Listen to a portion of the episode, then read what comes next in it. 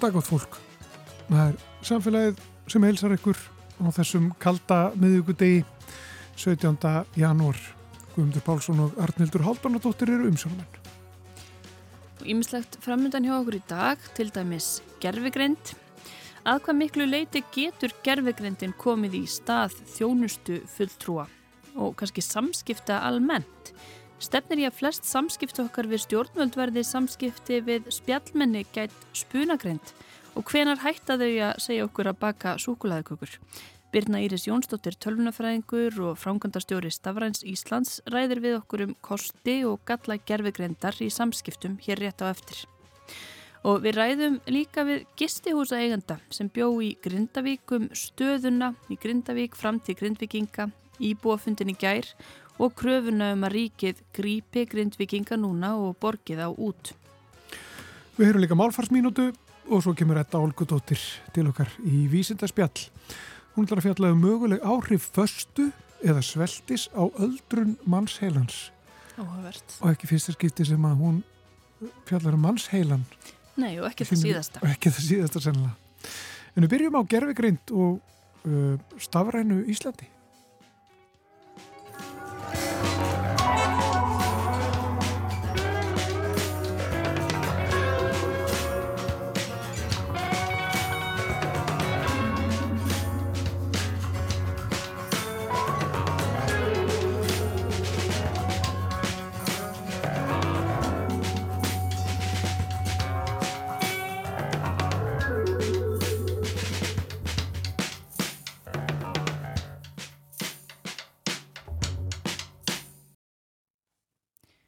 Þá erum komin hingað í samfélagið Birna Íris Jónsdóttir, frangtastjóri Stafræs Íslands. Velkomin. Já, takk fyrir þá. Takk fyrir að bjóða mér. Eh, ég byrði nú hingað því ég var að lesa nýlega tímariti tölvumál. Þar var bara verið að fjallum gerfugreindi heila. Málmálana, þetta er tímarit frá því sent í haust. Og þar varst þú með áhugaverða grein um gerfugreind og samskipti og svona hversu í hvort að gerfugreindin stuðlar að tengslum eða tengslarofi og, og bara þessi breyti veruleiki okkar. Já. Um, fyrst kannski bara, hvað finnst þér um gerfugreind? Ertu, ertu mjög spennt fyrir þessu öllu? Ég er mjög spennt, já. Ég er hérna, tölvert síðan ég byrjaði svona þess að spá í gerfugreindinni. Gerði það inn á, inn á hérna gerfugreindasetri í Háskólum Reykjavík og þetta er náttúrulega gömul fræðigrein og hérna heimsbyggileg að mörguleiti þannig að ég er hérna búin að vera með augun á gerðugrindinni í langan tíma og, og hérna spáð og spekulerað í ymsum hlutum. Þannig að já. Já, og nú ertu nýlega tekin við uh, þessu starfi frangandastjóra Stafrans Íslands, Ísland.is uh, ef við hugsun bara um þann vettvang og gerðugrindina uh, er, er það nýta gerðugrind í dag hjá Stafran Íslandi? Um, já, ég sem sagt uh, bara tek það fram að ég er mjög þakklátt og umug fyrir að vera treyst fyrir því mikilvæga verkefni sem að, sem að Stafrand Ísland er og, og Ísland.is og okkar markmið eru náttúrulega fyrst og fremst að vera þessi þjónustu gátt fyrir uh, landsmenn. Og hérna og uh, höfum gert það mjög vel og erum mjög einbeitt á hluti eins og lífsviðburði og þess áttar og, og hérna Og ef við sjáum tækifæri til að nýta gerfugrind á þeim vettfangi þá munum við eh, klálega gera það. Í dag þá eru við já, ekki í mjög miklu mæli eh, að hagnýta gerfugrind en, en hérna við erum þó með spjallmennið, ask og, og, og hán er nú ekki alveg byggður á, á hérna mjög þroskaðri gerðingenda tækni en einhvað síður þá, þá hérna næra hann að svara uh, fullt af fyrirspurnum og er að eiga í kringum 6.000 samtöl mánaðlega og hérna og einungis 10% af þeim fara svo í, í almenna þjónustu fulltrú. Þannig að við erum, erum klálega að nýta þá tekni. Við erum líka uh, hérna í samstarfi við miðeind með þýðingar og miðeind uh, eins og við þekkjum nýttir gerðurgrend í, í, í sínum lausnum. Uh, nú og svo er stafrænt Ísland um, svona ákveðin drivkrafturinn í Íslands atvinnlíf að þeim með þeim hætti að við erum með samning við mjög mörg hugbúnaða teimi í, í hérna fyrirtækjum landsins sem er að þróa fyrir okkur lausnir og þessi fyrirtæki nota gerfugreint að einhver leiti í, í hlutum eins og uh, hugmyndavinnu, kóðun, próunum og þess áttar. Þannig að því leitunum til eru við að hérna hagnýta gerðurgrind með ýmsum hætti hjá Starfinn Íslandi. Já, og þú nefnir spjallmenni Ask.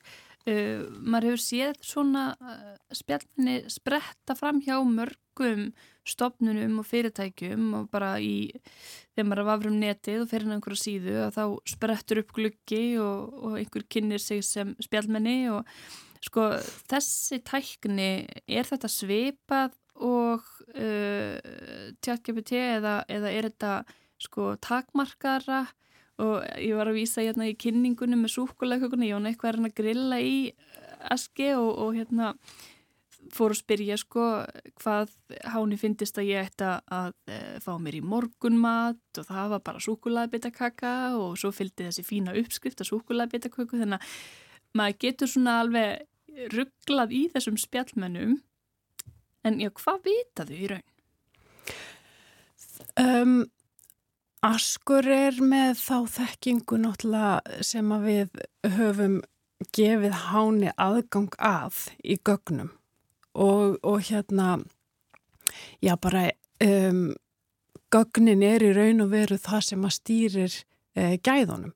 Og svo er hann augljóslega hérna nautna sinnaður að mæla með súkulaði betakökunni og hérna e, þannig að e, já en í grunninn í, í þessari tækni sem, a, sem að við nýtum í spjallmenni hjá í Íslandi þá er það fyrst og fremst bara gögnin og, og sem að hérna koma þá frá ofinbjörn maðilum koma inn í, í gegnum vefinn og, og hérna og þar undir. Og, eins og ég sagði áðan þá er svona gerfigrinda líkanið ef við getum sagt sem svo bakvið ask ekki með þroskað eins og er.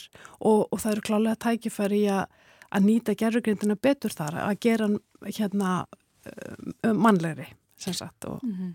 og eru það ákveðin svona líkilorð sem koma fram í fyrirspurninni til asks sem að svona askur vegur og metur uh, hvernig á að bregðast við. Stundu koma kannski bara um, krækur á eitthvað nánar um það sem hefur að spyrja um til dæmis.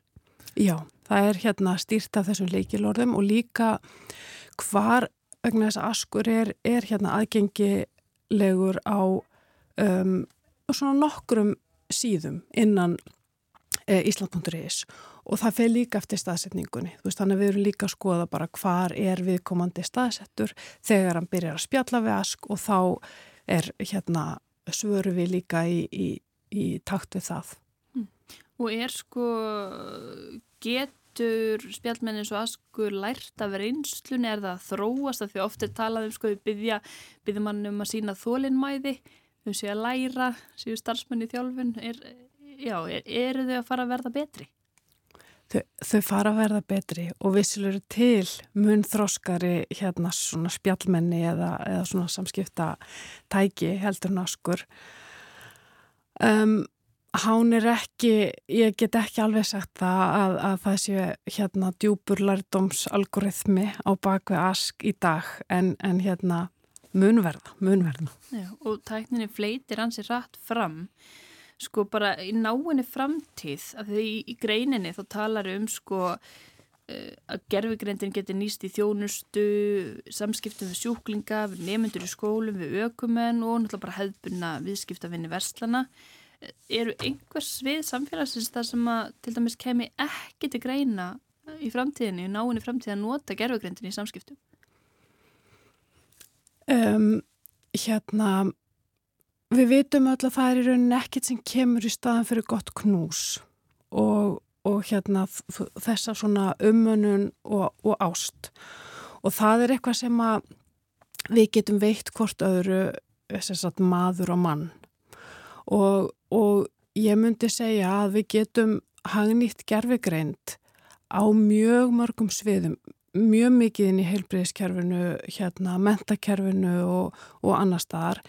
En þessi svona umönunar hérna hluti af þjónustu sem verður að veita til dæmis af ofinberum aðilum inn í skólakerfinu á, í rauninu á öllum lífskeiðum alveg frá hérna leikskólanum og upp í allir heimilið skilja, þú veist við getum aldrei þú veist það er aldrei gerfigrind sem kemur í staðin fyrir, fyrir þessi svona umönunar hérna hlutverk. Já, ekki einu svona þessar rafkísur eða selir sem er verið að nota á júkurnarheimilum. Það er kannski, sko, hún, einhverju leiti getur hún svona uppfyllt tengsla þörfun og einhverju leiti getur hún bara alls ekki. Já, það er svo leiðið, sko. Það er hérna. En vissulega getur, hérna, geta gerfigrinda lausnir, uh, hvort sem það eru kísurnar eða selirnir eða, eða bara samtals, hérna, uh, botar, uh, þá, þá, þá getur hún, sko, mynda þessa tilfinningu sem við finnum að því að, að, að tengsl eru og rannsóknir sína það að tengsl eru bara eitt af því sem veitur okkur komast að hamingju.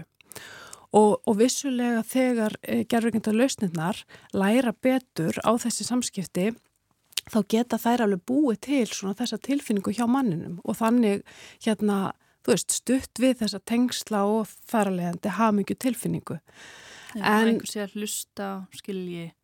Og þú nefnir í greinni sko að núna er þetta, maður er að slá inn einhverjar spurningar eða eitthvað inn í spjallkluka en þetta mun breytast, þetta verða kannski bara videósamskipti þar sem að gerfugrindin er með svipbreyði og, og blæbreyði í málrómnum og ég veit ekki hvað og hvað. Já og þannig að því að við í okkar svona mannlegu upplifun þá eru við náttúrulega vöna að vera í, í samskiptum og við notum bara allan líkamann og svipriðin og hérna hvernig tótnin í röttin okkar er og, og það allt saman og um leið og við getum uh, nýtt þá tölvu heyrn og tölvu sjón betur sem er, má segja, sé hluti af þessum gerðugreindar hatti að þá getur við, þá getur gerðugreindi bæði lært betur og, og þá hérna endurspeglað í mynd, uh, svona svipriði og, og slíka tjáningu en líka skilið okkur betur þannig að hérna Já, þannig getur við átt dýbri samskipti við gerðurgrænta lausnir. Já, og þú segir skilið, sko getur hún, hver, hver er þín afstæð, þú talar um þetta sé heimsbyggjalegt í eðlisinu og gumil fræði með gerðurgræntina, verður hún einhver tíman mennsk innan gæsalappa? Munum við geta greint á milli? Já, hvað er að vera mennskur? Það er, til dæmis mjög áhugavert að, að, að hérna, eh, skoða það hvort hægt sé að kenna gerðurgræntinni innsægi þú veist, og hvað, og þá spyr maður sig í rauninni hvað er, hvað liggur á bakvið innsæginu, þú veist, er það ekki fyrst og fremst reynsla ef að það er, er hérna tilfellið, þá er hægt að kerna gerfugrindinni innsægi, sko, þannig að það er hægt að fara mjög langt í þessum heimsbyggilu pælingum vissulega. Já, og náttúrulega bara skemmtilegt, en sko eru þið með að því að nú um eitt er, eru breytingarna hraðar og, og meira sé að þeir sem er að þróa þessa gerfugrind út í heimi hafa varað við henni og, og talað um að þurfi að setja einhvern lagaram á eitthvað sem að setur henni mörg.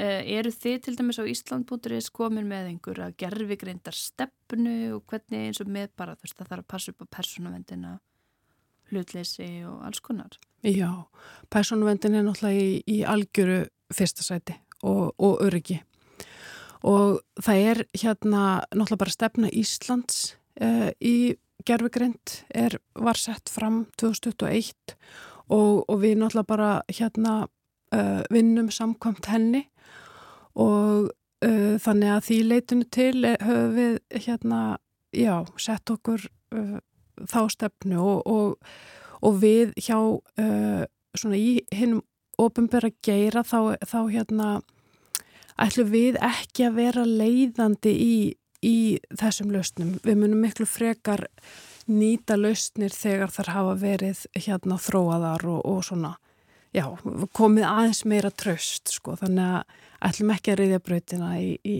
í þeim efnum.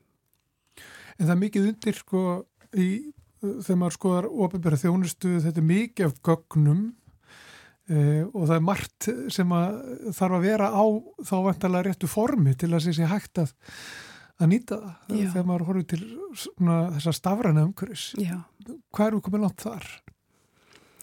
Um, við erum komin einhvað á veg og hérna en uh, ofinböru gögn og þessa grunnskrá sem að, sem að leggja þetta grundvallar á, á ofinböru kerfunum eru hérna uh, leggja fyrst og fremst inn í stofnunum og hérna eru í, í einhverjum tilfellum komið til ára sinna uh, sérstaklega þá, þá kerfin en eins og við hjá Stafrun í Íslandi hérna okkar stefna er nú að við geymum engin gögn í okkar gagnagrunnum, heldur eru við að sækja gögnin til stofnana og, og slíkt en hérna en jú, við, þú veist, það, gögnin þurfa vissulega að vera á, á ákunnu formi og aðgengið að þeim þarf að vera vera gott og, og staðlað í rauninni. Já, og kerfin þurfa að geta að tala saman?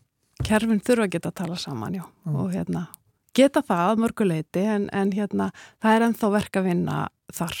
Já. En verður þá gerfigrindin, sko, þessi framtíðar gerfigrind, ekki, ekki askur, verður hún að vinna með personu uh, gögn í, í framtíðin? Ser það fyrir þér? Engur leiti?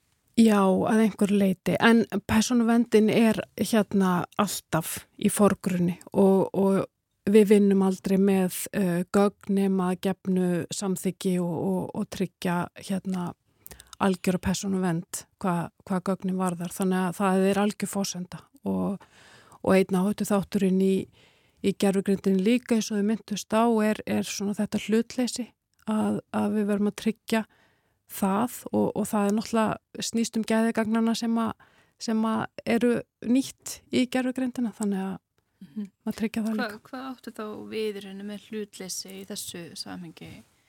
Hvernig sýnir gerfugrindin hlutleysi? að hérna vegna þess að, gögn geta verið, verið með ýmsum hætti og, og hérna tekstar sem að ný, nýttir eru til þjálfunar á þessum gerfugrindar módelum, þeir geta líst hinnum ýmsu skoðunum Já, og hérna... það er þessir fordómar sem er út í samfélaginu sem að gerfugrindin tilengar sér með að þjónu mötuð og gögnum sem inni held að á Já, til dæmis það. Já. Einmitt. Sko nú á þetta örgulega ekki við um Ísland.is og stafrand Ísland en í greininni sem að ég vísa að tala upp hafi í tölvumálum þá talaru um sko uh, hvernig gerfigreindin getur nýst til dæmis fyrirtækjum sem vilja seilast betur hún í vasa uh, viðskiptavinsina uh, til þess að vera svona skrefi á undan. Og nefnir sko að hún þurfi að hún, hún hefur ekki með, hún er ekki með aðtiklisvanda, hún getur greint gnótt gagna bara á sama tíma og við fáum okkur eitt kaffibotla eða eitthvað og hún geti greint eiginleika fólks, hegðun þess, lífstíl, erfiðir.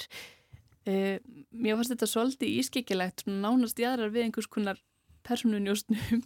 Er þetta veruleikin sem blasir við okkur í, í náinni framtíð að bara, já, hérna einhver matfyrirbúð eða fatabúð verði bara farin að greina eitthvað tengt erfiðum og, og ég veit ekki hvað og hvað sko. Þetta er nógu um einhvern veginn eins og þetta er á samfélagsmiðlum, algoritmin og allt það. Já, uh, svo það sem tekið fram þá eru við ekki á þessari vegferð hjá Stárun Íslandi. Nei, nefnitt. en hérna, uh, þannig eru klárlega hérna möguleikar ef, að, ef að við getum orðað sem svo að, að þú veist, öll þessi gögn náttúrulega segja rosalega mikið til um það hvernig við hegðum okkur, hvernig við eigðum penningunum okkar og, og annað, þannig að um, uh, ég myndi ekki segja kannski að það var í náinni framtíð að þú farur út í búð og, og hérna uh, veslunin þekki þig í, í þaula en, en þú veist þetta er alveg einhver sviðsmynd sem að geti séð fyrir sér til framtíðar, klárlega. Já. Þannig að þetta er, já, svona er, svona er staðan og uh, já, ég, svona af því að þú ert hérna og Grindavík hefur verið mikið í í umræðinni eðlilega. Og langaðum nú að spyrja bara sko þegar þeir eru með sérstakka síðu, undirsíðu Já. sem er ætlu grindvikingu e, þar sem að þeir geta sótu upplýsingar, upplýsingagátt. Hvernig hefur þetta gengið e, að miðla upplýsingu til grindvikinga í langt í land með að svona þessi gátt verði fullburða? Já, hún er sko, okkur gekk rosalega vel þarna í nóvember að koma þessu upp og við náðum að reyfa okkur hérna mjög rætt þannig að, þannig að gáttin kom upp rætt og, og við settum umsóknir þarna inn strax og, og hérna einn svona stæsta umsóknin sem fór í lofti hjá okkur var uh, umsókn laurglumanna um að komast inn á svæðið. Og hérna og svo erum við ímislegt verið með þarna leigutorki og fleira og, og þú veist tæknilega séð hefur þetta allt saman gengið vel en, en við vitum alveg að, að þessi, þetta breytist bara dag frá degi og, og hérna þannig að það er krefjandi og það koma inn mikið af fyrirspurnum sem er það alveg þjónustumiðstöðin sem er staðist í tollúsinu þau sinna e, þessum fyrirspurnum og, og svara og, og þess áttar þannig að en svona tækni hlutin á þessu hérna, já, hann gekk vel og en, en er e, langt í frá búin og, og heldur bara áfram og, og hérna þróast og þróskast Einmitt. Takk kærlega fyrir að spjalla við okkur í samfélaginu Birna Íris Jónsdóttir, frangtastjóri Stárans Íslands. Mjög skemmtilegt að spjalla við um gerðugrindina. Já, takk fyrir sem leiðis.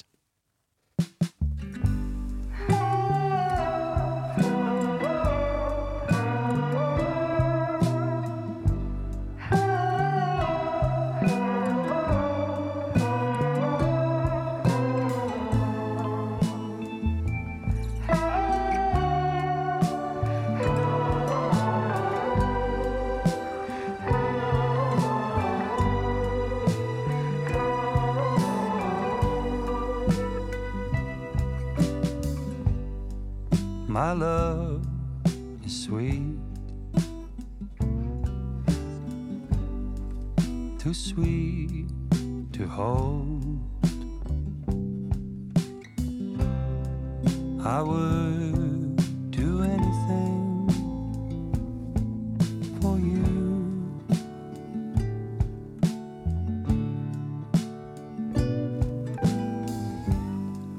My love is numb. song.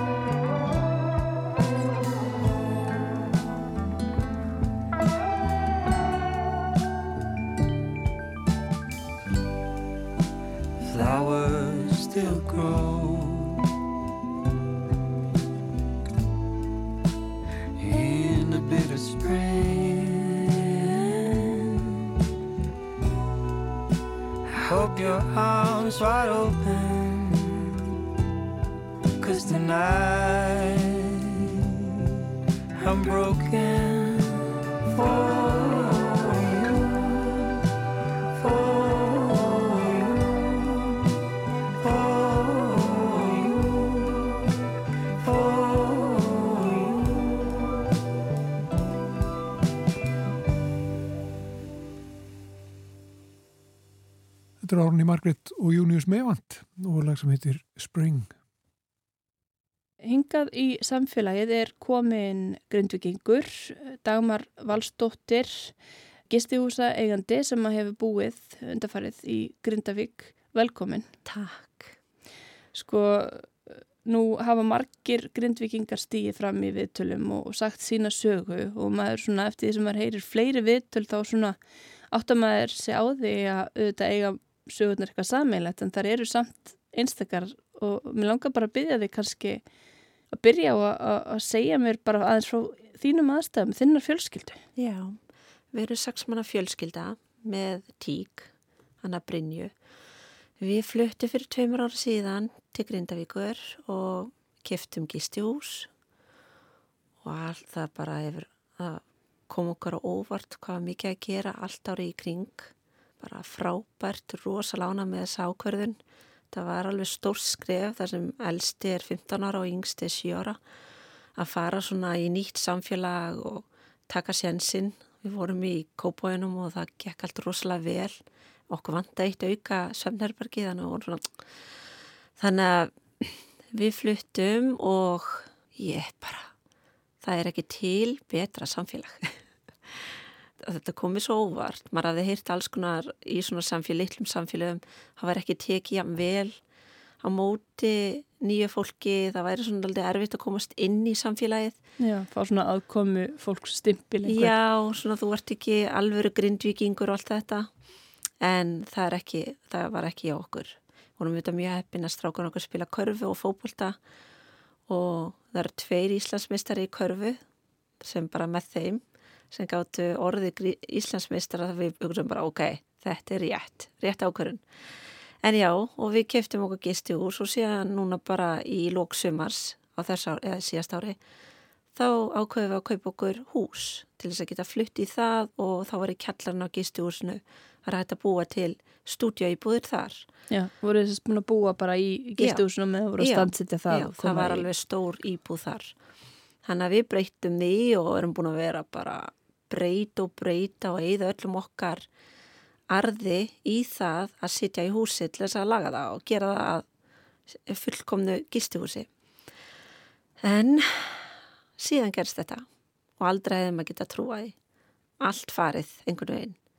Fyrsta sem ég hugsaði, maður fyrir í svona survival mode, bara börnin, hugsa um börnin, passa på þau, þau, þau reyna að láta þau finna sem minnst fyrir þessu. Þannig ég fór bara strax á mándeginum í að senda strákana og fara með strákana í kópáskóla þar sem þeir voru allir nema yngsti áður. Þeir fóru, það var tekið svo vel á móteim, þeir fóru strax inn í sitt um hverfi og, og eitt svona minnum með smá kvíða vandamál og bara tilfinningin þegar ég lappa inn í stofun og krakkani voru bara hæ og tóku utanum mann, maður bara vá þetta var rétt ákverðun. Þannig að ég var búin að segja við eitt són minn að ég myndi ekki flytja það oftar. Þeir væri allavega, þeir eruðu í kópóinum ef ég kemist ekki í Grindavík. Síðan er þetta bara búið að vera ruggl við erum búin að vera hérna sit, sta, taka húsgögn úr kistihúsinu, sitja það aftur í. Uh, erum við að fara ofna, erum við ekki að fara ofna ég var alveg hard ákveðin ég að fara ekki aftur. Ég var bara, það er ekki hægt, ég sé ekki. Ég, ég með viðskipta bakgrunn og ég sé ekki hvernig ég á að geta rekið gisteimili í þessar óvissu. Þó það væri, og sérna fórum að rauksóka, ef ég er först í þessu, þá kannski verði ég bara að hafa þetta, þetta verður bara að vera öðru í þessi rekstur. Það er bara að opna fyrir, fyrir viku og viku og reyna að hafa þetta sem þægilegast. Og fólk var að segja mér að þú er svo heppi, leiðu þetta að lagast, það verður brjálega að gera hjá okkur. Það er já, já, það gæti alveg verið, en Hvenar? Já, hvenar, þetta er ekki hægt. Ég á rosalega erfið með að býða og þetta eins og með fundin í gær að hlusta á ríkistjórnina og fólkiðan uppi tala um hlutina sem voru að gerast síðustu mánuði eins og við, grindvikingar, hafum ekki verið hana.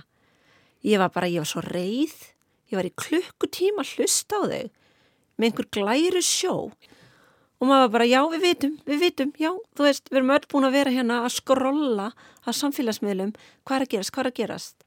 Og það sem gerðist þannig að gær gerir mér rosalega reyða þegar hún Katrin sagði ég veit hvað, hún bara óvart sagði held ég, ég veit hvað þeirra gangi gegnum. Ég var brjálið. Ég hugsa, veist, hinn er allan að sögðu, ok, ég hef ekki hugmyndum hvað er að gangi gegnum, ég get rétt ímynda mér. En hún sagði hann í eitt skipti, ég veit hvað þeir að gangi gegnum.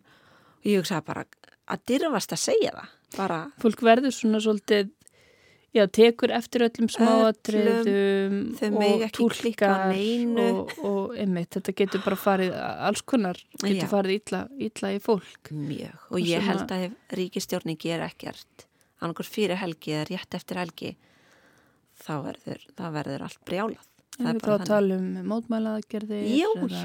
Ég, Nú hafa, sko, ég tæpir þriðjungur grindvikinga ef ég gerir ráð fyrir því að einhverjum grindvikingar hafi skrifað undir Mhm. undirskriftarlistan á Ísland.is þar sem að krafan er að, að uh, stjórnvöld borgi grindvikinga sem vilja uh, losna við sínar eignir á svæðinu út. já. Er, er þú ein af þeim sem hefur skrifað undir þennan lista? Já, já, ég er búin að því. Og ég byrjaði því þarna fyrir nokkrum dögum þá spurði ég okkur grindvikinga á Facebook hvað, hverju vilja út af að maður er búin að vera að heyra og svona allir eru bara í sínu horni eitthvað, óh, það verður ekkert gert, það verður ekkert gert. Og bara, ok, sjáum bara hversu margi vilja losna og hversu, hversu margi vilja vera borgaðar út með hugsanlega tækifæri til þess að kaupa aftur. Og það var þá, áður en gósið kom í þetta sinn, þá voru það 70%. Þannig að það sýnir bara, fólk vill vissu, fólk vill fá að róa sig, fjárhagslegur ástandi hjá manni. Við erum nú alveg, ég er ekkert rosalega mikill íslendingur í mér þannig að ég er alltaf að spreða og taka lán. Við erum alltaf unni fyrir okkar og verið svona bara hægt og rólega að kaupa hluti sem við við höfum efna á. Þetta bara, ég held að flestir núna á þessu ári og síðasta og þar síðasta fólk hefur ekkert mikil sparepinning þar og er svo dýrt að lifa. Spartaðunum bara mestu leiti horfin. Já, já, fólk er bara að ok, þetta, þetta ástand í þjóðfélaginu fyrir að lagast, veist, það var COVID og þetta. Og ég held að sumir haldi, mér finnst eins og stjórnveld hafi verið svona að vonast, þetta rettast, þau eru að retta sér fastegnum, þau eru að retta sér núna. Ég til dæmis fór strax í að reyna að finna íbúð og kaupa. Ég bað bankanum hjálp. Við skuldum mjög lítið í eignunum okkar, þannig að þetta var ekki mikið sem okkur vantaði, en okkur vantaði alltaf þessi 20% í útborgun og bankan er bara, nei, þið miður. Þannig að ég mista mjög góður tækifæri til þess að kaupa hús, til þess að vera örug með okkur út að það er engin tilbúin í að hjálpa. Það er rosalega vond, maður er svona bara, erum við eina báti? Hva, og síðan þegar það er sagt að þessi vera að hjálpa okkur, hugur með okkur, það er bara ekki nóg. Bara sína okkur það, borgið okkur út. Þetta er mjög einfalt. Ég held að þetta sé miklu ódýrar fyrir samfélagið og fyrir ríkistjórnina, miklu auðveldara. Mér finnst fáralegt að þau séu að hugsa um að kaupa einhverja íbúðir sem eiga henda okkur. Og hvað, þurfa þau þá að selja aftur þegar við viljum ekki vera þannig og við erum búin að finna okkar eigið. Og að laga og laga og laga, setja einhvern sand eða möl í sprungur, kemur smá járskjaldi, allt farið. Hvað þarf að setja mikið í sprungunar? Það var einmitt nefnt sko á fundinum uh, í máli þeirra grindvikinga sem að töluðu og báru frá spurningar að, að það virtist vera svona ósamræmi í orðum stjórnmálamanna og svo vísindamannana og þau upplýðu svona einhverja gjá þar á milli. bara og líka svöri sem maður fær frá stjórnmálumönnum að bara, er er þetta grín? Hvers konar svar? Við vitum ekki og þeim megi vera reyð út í okkur en bara okkur alveg saman ykkur bara vinni vinnina ykkar. Nú er þetta sko mjög einstakur atbyrð, við höfum kannski ekki upplifað svona náttúru hamfarir áður, svona Nei. langvarandi þar sem þetta er ekki einn afmarkaður atbyrður Mhm. heldur er einhvern veginn alltaf að bætast við og óvissan um hvort að það verður hægt að búa þarna, hvenar það verður hægt að búa þarna. Mm -hmm. Hefur sko einhvern skilning á þeirri stöðu sem Ég er búin að vera með það en þið eru í stjórn, þið eru að vinna fyrir okkur. Ég myndi halda að þið værið þá líka gætu tekið ákvarðanir.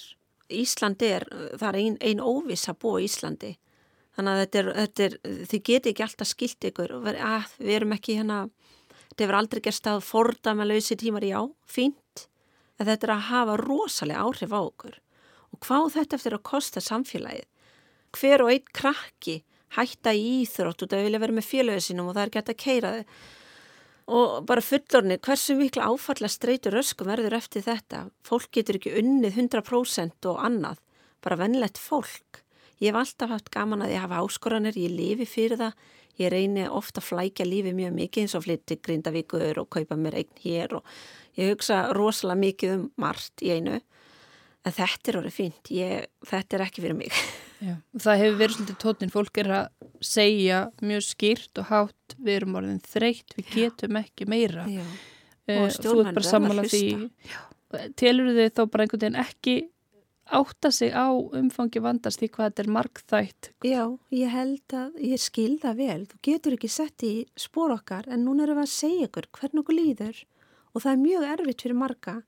Ég held ástæðan fyrir að enginn hefur talað á þeir, ekki svona skýrt út, bara svona aðeins, svona í að það er af því að þetta er svona, er hálfgeir skömmu, Ó, við þurfum að fá aðstofa. Þú veist, þetta lítur bara að lagast, við getum komist heim aftur og það verður allt miklu betra en það er ekkert að fara að gerast og við vitum það. finnst þér óskikjan hafa stjórnað Já, þetta er hafi reddast verið að og gera við sér vonum- óraunhæfar vendingar eða alltaf Ég held að bæði stjórnvöld og við grindvikingar við höfum þetta verið bara ok, þetta verður allt betra, þegar við spjöllum saman þá er svona reynum að vera í ákveða nótunum og ok, en þetta líka þetta úrræði að lá, 75% af leigunni, þetta er bara rugg.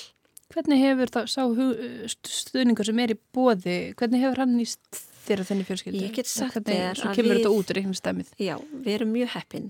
Við fengum íbúð á rosalega góðu verði, allt og litlu þetta, en það er allt í lagi, bara kósi. Við erum samt sjálf að borga auka 100 árs krónum og meira, þrátt fyrir að þetta er mjög lág leiga. Við erum, þetta er 250 árs krónur leiga og við erum samt að borga 100 árs krónum í hít og rafmagn og, og þetta 25%. Það er, það er bara ómikið. Hvernig er með fjárháslega skuldbendingar og, og greiðslir í Grindavík? Er þið, Ég bara, mér langar ekki eins að kíkja heimabankan. Þá er ég að tala um sérstaklega á fyrirtækinu. Ég er bara að býða eftir að stjórnveld hjálp, hjálp okkur fyrirtækinum sem er búið að lofa. En maður bara býður. Ég þurfti þetta að afbóka fullt af herbergjum, booking, ég skulda booking alveg helling sem þú veist við áttum að endurgreið og annað og maður er bara svona alltaf að býða, og sjá. Hvað ætlar að gera, ætlar að gera eitthvað eins og í COVID?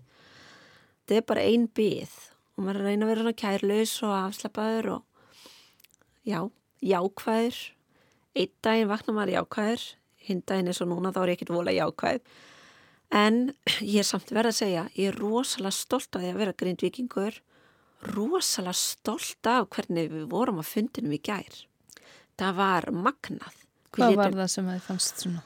bara spurningarna, loksins koma alveg spurningar, bara hvað ætla að gera? Öll þessi einlægni, allir að tala frá hjartanu, þetta var bara Páll, hvernig hann talaði Bryndís og ég veit ekki nafna sálfrængnum sem bara sagði, heyri, gefa okkur tíma til þess að tala, ekki stoppa okkur, bara nákvæmlega. Við þurfum ekki að vera klukkunni, þetta er of alvarlegt til þess að vera reyna að stoppa okkur að og ít eftir okkur í að vera hraðari í að svara og tala og Þannig að þið voru tíma. beinskeitt, þið voru einlega, þið voru ákveðin. Já, Kröfuhörð, já, kannski. Kröfuhörð á ríkistjórninni í að vera að fara að drífa sig aðeins. Gefa okkur svör, ekki vera svona ekta pólitíkus að tala ringin í kringum hlutina sem er alveg óþórandi og við höfum ekki þólumæði eða styrkin í að hlusta á ruggl. nú er þetta, já, temmilega stort samfélag, Mm -hmm. 3800 manns. Við höfum heyrt ymsa frásagnir, ymsa rattir, en sko telur að það sé margt eftir ósagt og þetta eru ólíkir hópar sem að búa í Grindavík, fólk á ólíkum aldri með ólíkan uppruna, eru margar sögur sem á eftir að segja, heldur þau? Margar rattir. það eru þetta ennþá fólk sem vill ekki tala, vill ekki segja sitt. Þetta er óþægild að koma í útvarp og tala. Og það er alveg fullt af sögum sem bara eiga eftir að segja og, og það er líka eitt. Stjórnveld verða að vinna rétt úr spilunum núna. Þeir verða aðeins að spýta í út af því að þetta á eftir að hafa áhrif og þetta á eftir að vera eins og með eigakosið. Við höfum eftir að vera að horfa heimildamindir á hvernig hlutinu voru tæklaðir. Eftir 50 ár. eftir 50 ár. Og börnin okkar, þau, ég er með fjóra stráka og ég veit að þeir, þeir eru bara svona ekta Íslandíkar, ekta strákar. Ekki opna sig, þetta er allt í góðu er, er í tölvuleik og eru bara svona að tækla hlutin á sinn hátt. Ég er bara mjög hrættum að þeir einstinn er að krauma og kannski eftir nokkur ár þá kemur í ljós hvers konar vonda áhrif þetta hafið á þá. Og ég er að reyna eins og ég get ég að opna það og reyna að tala við þá og sjá bara hvernig líður ykkur og, og mér langar að fá sálfræðing til þess að tala við þá. En er það ekki bóði, sko, nú við talað um þjónust í tollhúsinu? Já, ég hef komið tvið svar og verið að reyna að fá bara, ok, hvað þarf ég að gera til þess að til þess að fá sálfræðast og fyrir sinni mína. Já, þið getur komið kannski bara alls saman eða þetta er svona, já, þetta er í gegnum Rauðakrossin og síðan segir maður, já, ég þarf að tala við vinnumálastofnun þegar ég að vera hérna. Já, þú ert að panta tíma. Ég fór til vinnumálastofnunar fimm sinnum, fyrsta mánuðin og það var bara alltaf það var sikkur, þú veist, það vissi engin eitt. Það er svo margt sem er ekki í lægi og ég skilða vel en núna þurfum við líka að hugsa þess út í að þetta er að fara að gerast í lengri tíma hjá okkur en gerist þetta næst á völlunum. Við þurfum að finna leiðir til þess að aðri þurfum ekki að tækla hlutin eins og við þurfum að gangi í gegnum það sem við höfum þurft að gangi í gegnum. Við erum flóttafólk í okkar eigið landi. Af hverju er ekki tæklað hlutina eins og við séum flóttafólk og þá þarf að setja lög á þetta hvað á að gera þegar svona hluti gerast. Ekki að horfa alltaf til skamtíma, það þarf að horfa langtíma.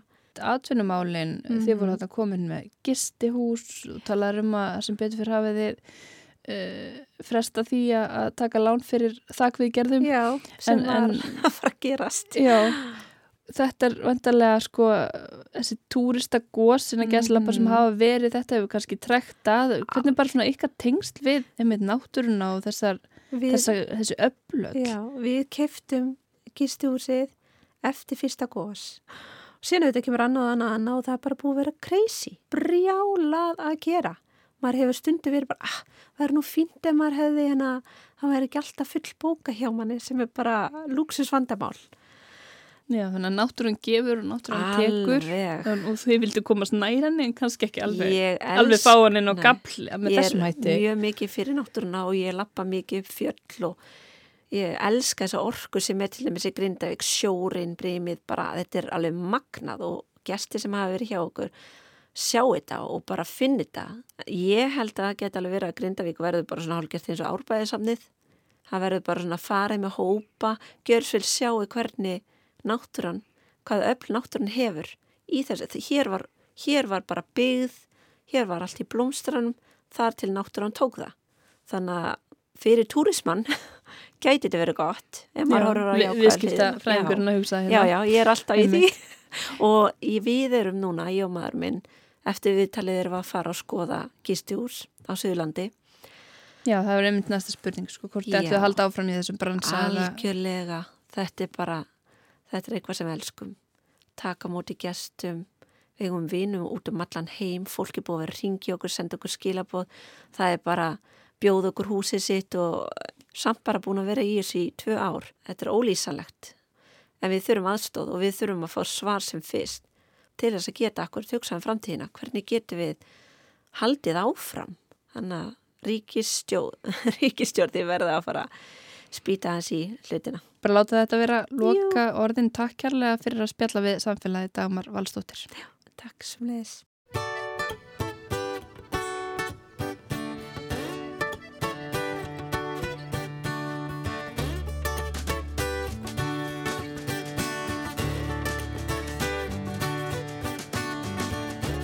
It was written that I would love you from the moment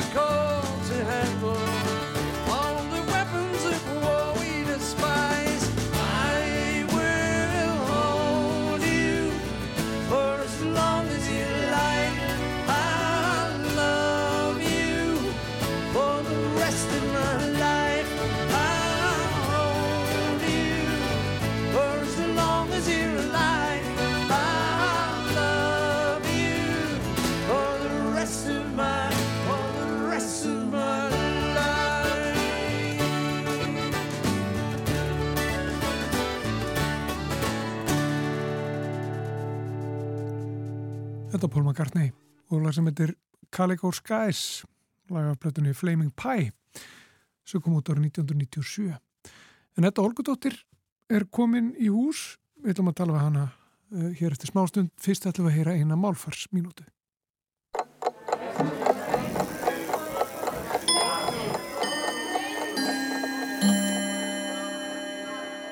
Það er laung hefð fyrir því að kenna íbúa sveita, þorpa og bæja við byggðarlögin sín. Í borgarfyrði búa borgfyrðingar, á akureyri akureyringar og reykvíkingar í Reykjavík. Stundum er viðliðnum búi skeitt við staðarheitið. Kópásbúar búa í Kópavogi og hafnarbúar á höfn. Sum íbúa heiti eru mikið stitt, þannig búa Ólsarar í Ólafsvík og Hólmarar í Stikisólmi. Tenging íbúa heitis við stað eru ekki alltaf augljós þeim sem ekki eru staðkunnug. Á Akranesi búa til dæmis skagamenn, bærin stendur á skipaskaga og kallast í daglegu tali skægin. Og í Neskaupstað búa norðfyrðingar, kenna sig við fjörðin en ekki kaupstaðin. Þetta er góð hefð sem hefur nokkuð vikið upp á síkastið, engum í fjölmiðlum og í stjórnmálum, fyrir orðalæginu íbúar staðarins, íbúar Reykjavíkur, íbúar Stikkisholms og svo framvegis. Það væri leiðinlegt að tapinni.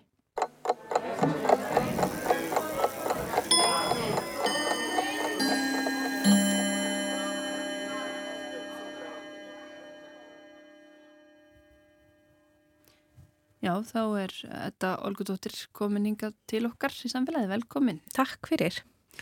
Þú ætlar að tala eitthvað um mannsheilan Já. Hann er þér hugleikin Já. Þú ert með heilan og heilanum svolítið. Er það ekki bara jákvægt? Það er jákvæmt, jú Ættum við ekki öll að vera með heilan og heilanum? Einmitt. Já, hann er, ég er svolítið með hann á heilanum, en svo er annað sem að hérna, kemur svolítið oft upp í umræðina svona í hérna janúar og það er fasta.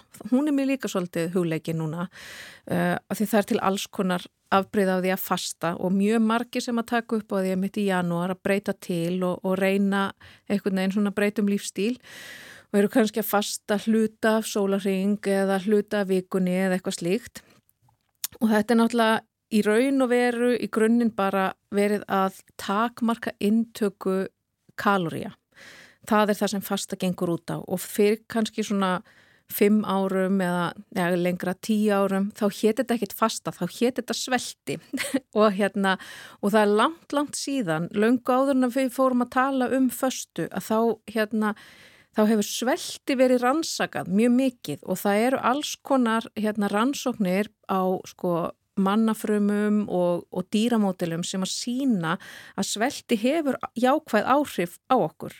Til dæmis hérna í mannafrumur ansóknum sést að þegar að þær fá minna af orku en, en er talið svona heppilegast þá fara það síður í það sem heitir öldrunarfasi eða senesens og það, það er bara svona síðasti fasin áður en þær fara svo bara í dauðan og, og margt, margt annað sem að sko hérna, við sjáum að þetta hefur jákvæð áhrif á uh, jákvæð áhrif á heilan, jákvæð áhrif á líka þingdarstjórnun og alls konar og svo er líka bara fólk talar um þegar að það er að fasta að það finni mun og því líði betur.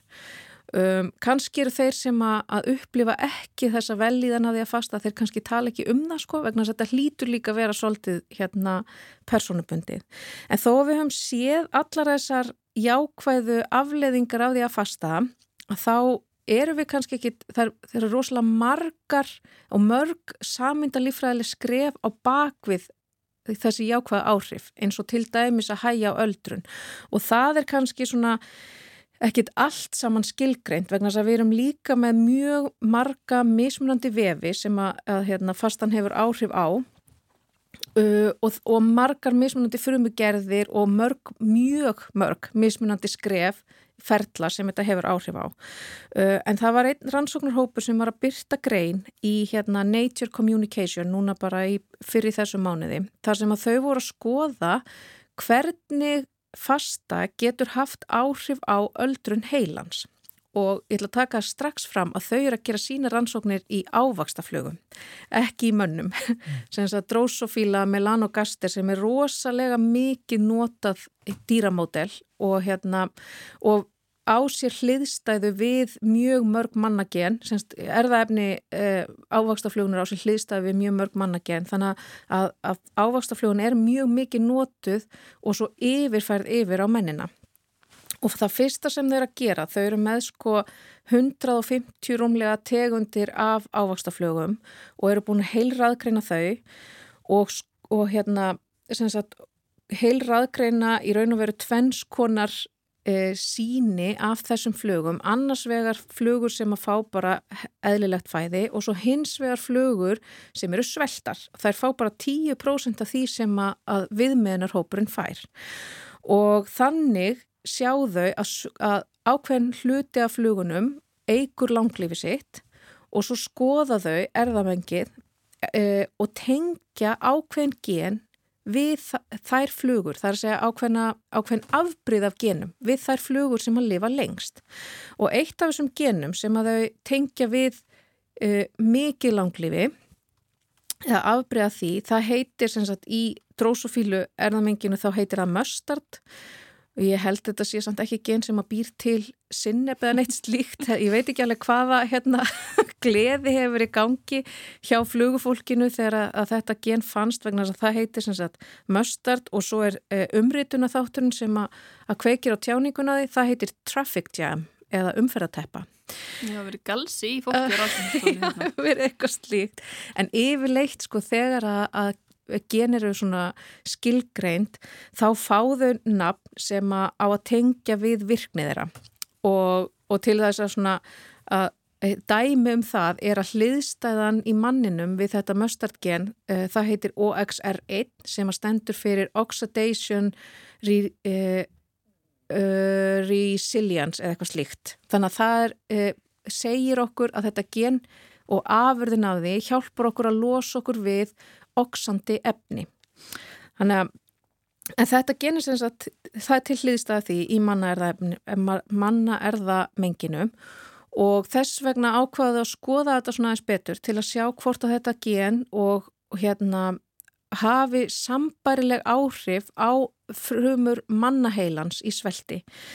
Þau eru reyndar ekki að skoða þetta í hérna heilafrumi manna þau eru að taka genið, mannagenið og klóna það inn í erðamengi ávakstafljóðunar og fyrsta sem þau skoða er, þá eru þau bara að skoða genið sagt beint í ávakstafljóðunni og þá sjá þau að þegar að hérna fljóðunar eru sveltar og að auki verða þær langlýfari eh, að þá er aukin tjáning á þessu geni Þannig að það er verið að búa til meira af því. Það er að gera eitthvað sem að hjálpar þeim að lifa af. Og ef þau klóna svo manna útgáfina af þessu geni inn í flugustofnin og taka hinn hérna, flugugenið út, þá séu þau sambærlega áhrif. Og það segir okkur eiginlega að þetta afbríði sem að finna þarna í flugugeninu, þar er einhvers konar, hérna, einhvers konar svæði sem að hjálpar til við að auka langlífi og það viðhelst þegar að þróunin er komin allavega upp í mannin eða þetta gen er sagt, heldur þessum, þessum e, eiginleika. Og þau halda áfram að skoða þá mannagenið og hérna skoða bæði í flugufrumum og í mannafrumum við hvaða önnur prótín þetta gen er að tala. Og gera það annars vegar með því að skoða bara hvaða gen eru tjáð í miklu magni á sama tíma og og hérna OXR1 er tjáði miklu magni. Og svo litaði líka mannafrömmur til þess að sjá hvort að þau, hérna, og þá er það að leita í raun og vera að prótíninu, að vinnu einingunni sem að kemur út frá geninu og sjá að prótínið, það er í mikilli hérna, samvinnu við prótínflóka sem heitir retromer og prótínflóki er í raun og veru bara rosalega mörg prótín sem koma saman af því þannig virkar þetta í raun og veru í frumunum að vinnu einingarnar eru bara koma saman til að mynda einhvers konar flóka eða vél sem að sér um að vinna vinnuna. Og þessi retromer er eiginlega svona hérna flokkunar og endurvinnslustöð taugafrömmuna og þau, þar fer fram sem að þar hérna koma prótínin þegar þau eru þú veist, það er búið að nota þau eða þá að það er bara nýbúið að, að hérna, framlega þau og þau fari gegnum hennan flóka, svona ímyndaði mér kannski svona aðeins að búa til myndræna sína segja þetta fari gegnum flókan en þar sem sagt fer fram svona flokkun bara, er þetta prótín nægilega hæft til að vinna í þessari frumu? Eða þurfum við að laga það? Eða eigum við að henda því? Eða eigum við bara að hleypa því áfram? Þannig að það er svona ákveðin svona gæðastjórnun á prótínunum og því sem að fer fram í taugafrumunum og hérna OXR1 er í raun og veru uh, að stöðka þennan prótínflóka, þennan retromer prótínflóka, passa upp á að hann sé í hérna næjanlega góðu jafnvægi til þess að gera sína vinnu.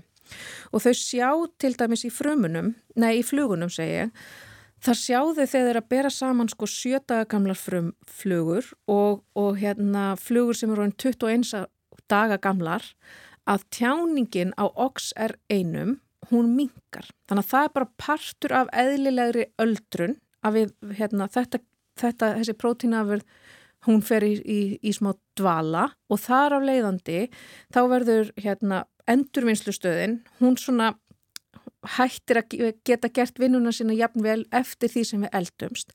En með því að svelta frumunar að þá í raun og veru getur við ítt undir áframhaldandi tjáningu á þessu geni til að stöðga prótínflókan en ég ætla að segja eitt áður en að, en að allir fara að svelta sig, að oft er hægt að nefnilega ná fram þessum eiginleikum eða þessum áhrifum sem að við sjáum við föstu að þau, þessir áhrif koma líka mjög oft fram þegar við hreyfum okkur. Þannig að það þarf ekki endilega alltaf að fara í einhverja dramatískar... Þurfum ekki að skera niður í 200 kaloríur á dag. Nei, einmitt. Nei, gott.